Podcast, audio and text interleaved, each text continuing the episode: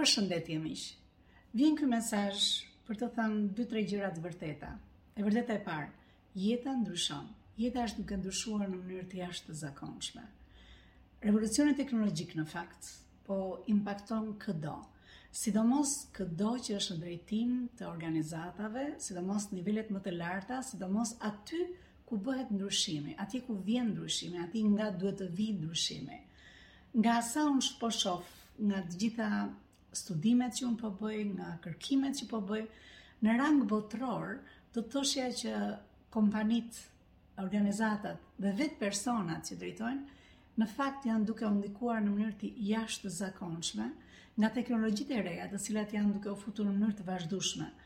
Kërkimet që unë po bëj, nga gjithë leximet që unë po bëj, në rang botëror, ajo që po vëre është që kompanitë të cilat kanë kuptuar që përqafimi i teknologjisë, marrja e teknologjive të reja, automatizimi i gjithçkaje, mënyra e vetë menaxhimit të kompanisë në nivele të tilla që të mund të na çojë që në 10 vjeçarin e ardhshëm të qëndrojmë prap në krye, ajo që kam vënë re është që kam kuptuar që e gjithë kjo sjell një nevojë të jashtëzakonshme për riregullimin e aftësive të njerëzve, sidomos të atyre të cilët ne kemi më pranë vetes, flas gjithmonë për drejtuesit apo për krijuesit e kompanive, Ata që kemi më pranë vetes që mund të jetë staf i lartë, por që mund të jetë për një bord pronarësh, mund të jetë vetë uh, CEO i kompanisë apo administratori i kompanisë.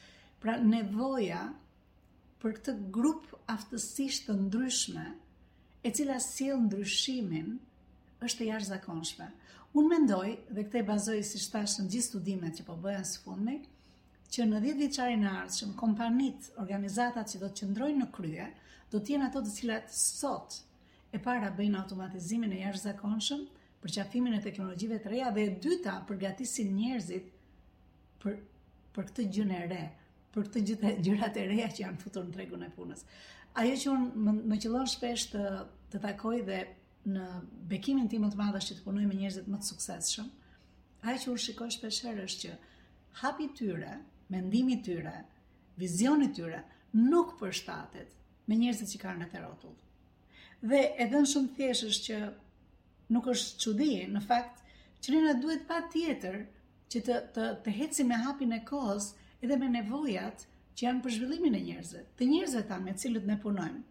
Diferenca që bëhet midis kompanive që fillojnë të investojnë tek njerëzit e tyre dhe kompanive që sot mund të jenë shumë mirë, por që e mbajnë larg këtë gjë, ndërkohë që e dinë që teknologjitë janë futur, janë futur në, në gjithë jetën tonë, por njerëzit nuk janë trajnuar, nuk kanë marrë atë set of skills, atë grup, atë sërë aftësish të domosdoshme që të merret vizioni i gjithë atyre që krijojnë bizneset dhe të futet në praktikë, të bëhet në praktikë.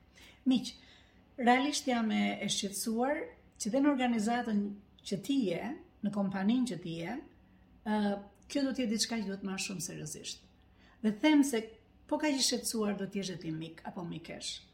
Me njerëzit më të mençur që unë punoj, realisht është shqetësimi i parë i tyre. Sa dhe si po përgatisim grupin që bën të mundur që vënë në operacionalitet gjithçka që ne mendojmë dhe planifikojmë dhe luftojmë, ta bëjmë të aftë të marrë këtë sërë aftësish që duhen sot dhe janë rreth 10 aftësi të cilat janë të domosdoshme për dikë që drejton sot që të ketë mundësi që të jetë akoma konkurrues edhe në 10 vitet e ardhshme. Nga eksperienca siç thashë me njerëzit më të suksesshëm, qoftë në tregun e huaj, po qoftë dhe në tregun shqiptar të punës, unë kam mundësi që të mas për ju këtë gjë. Të marr të bisedoj me ju konkretisht ku jeni sot. Dhe në qoftë se jeni lumtur me atë që jeni, thjesht do të ishte një bisedë jona, do bëheshim miq, do ngeleshim miq, mund t'ju ndihmoj për gjëra të tjera, për staf që kërkoni etj etj.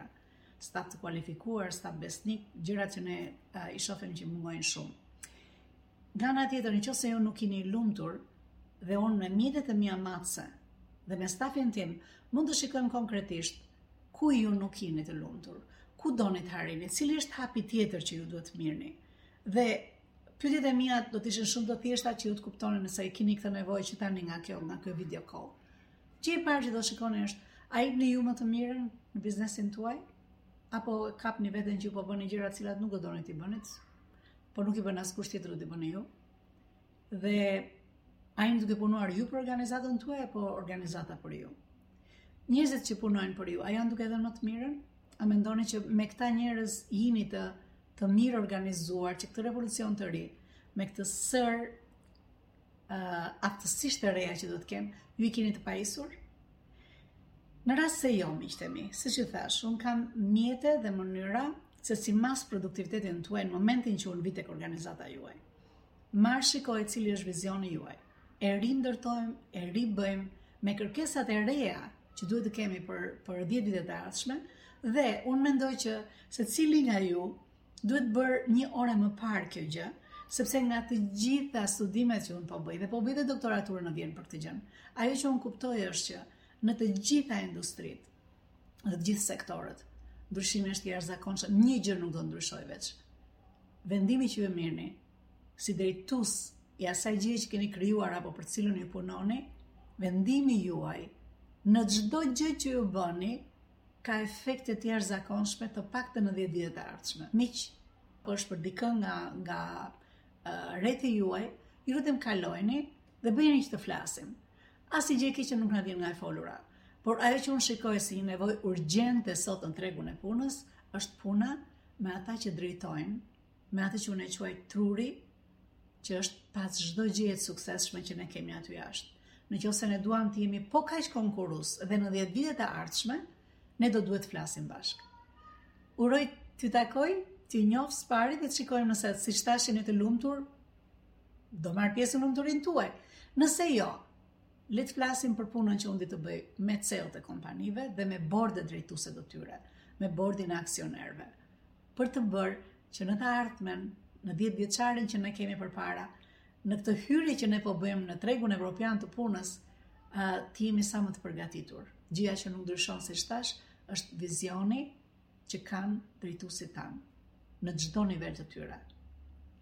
Duke uruar gjithë bekimet e Perëndisë, pres më kontaktoni. Në shërbimin tuaj, miqësisht Elida. Ti je mikesh apo mik? Nëse ke arritur deri në fund të videos, kjo do të thotë që ti je një ndjekës yni i rregullt dhe ke interes në gjërat që ne bëjmë.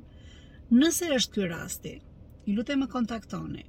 Ne mund të futemi shumë mirë në një nga programet e mia dhe të marrim të shikojmë çfarë është gjëja që të të bën më shumë mirë ty në momentin që ti je në kryqëzimin e karrierës ku ti je në ecjen që ti ke bërë dhe jam e bindur, jam e bindur që ti mund t'i bashkohesh një armate të madhe njerëzish të suksesshëm me të cilët ne punojmë, prej të cilëve ne në mënyrë të vazhdueshme secili nga ne mëson, por jo vetëm kaq. Krijojmë një network, krijojmë një rrjetëzim që është i jashtëzakonshëm kur kanë të njëjtën ide që ndahet, që është të qenit me mendje të hapur, të qenit i gatshëm të ndihmojmë njëri tjetrin dhe të qenit vazhdimisht në tregun e punës për të dhënë më të mirën tonë. Nëse është kjo që të ka sjellë tek podcasti im, të lutem më shkruaj. Të lutem, është shumë e kollaj të më gjesh, ndofta në Facebook Elida Motro, ndofta në Instagram që është Emi Coaching and Consulting e gjeni kollaj fare, ose dhe në YouTube. Mundësitë e lidhjes janë të jashtëzakonshme. Mundësitë nga të cilat ju do përfitoni nga kjo lidhje nuk ka të bëjë me mua, por kanë të bëjnë me gjithë rrjetin e njerëzve me të cilët unë bashkëpunoj. Uroj të shoh nga brenda programeve të EMI CC. Ju uroj gjithë bekimet e Perëndisë. Miqësisht Elida.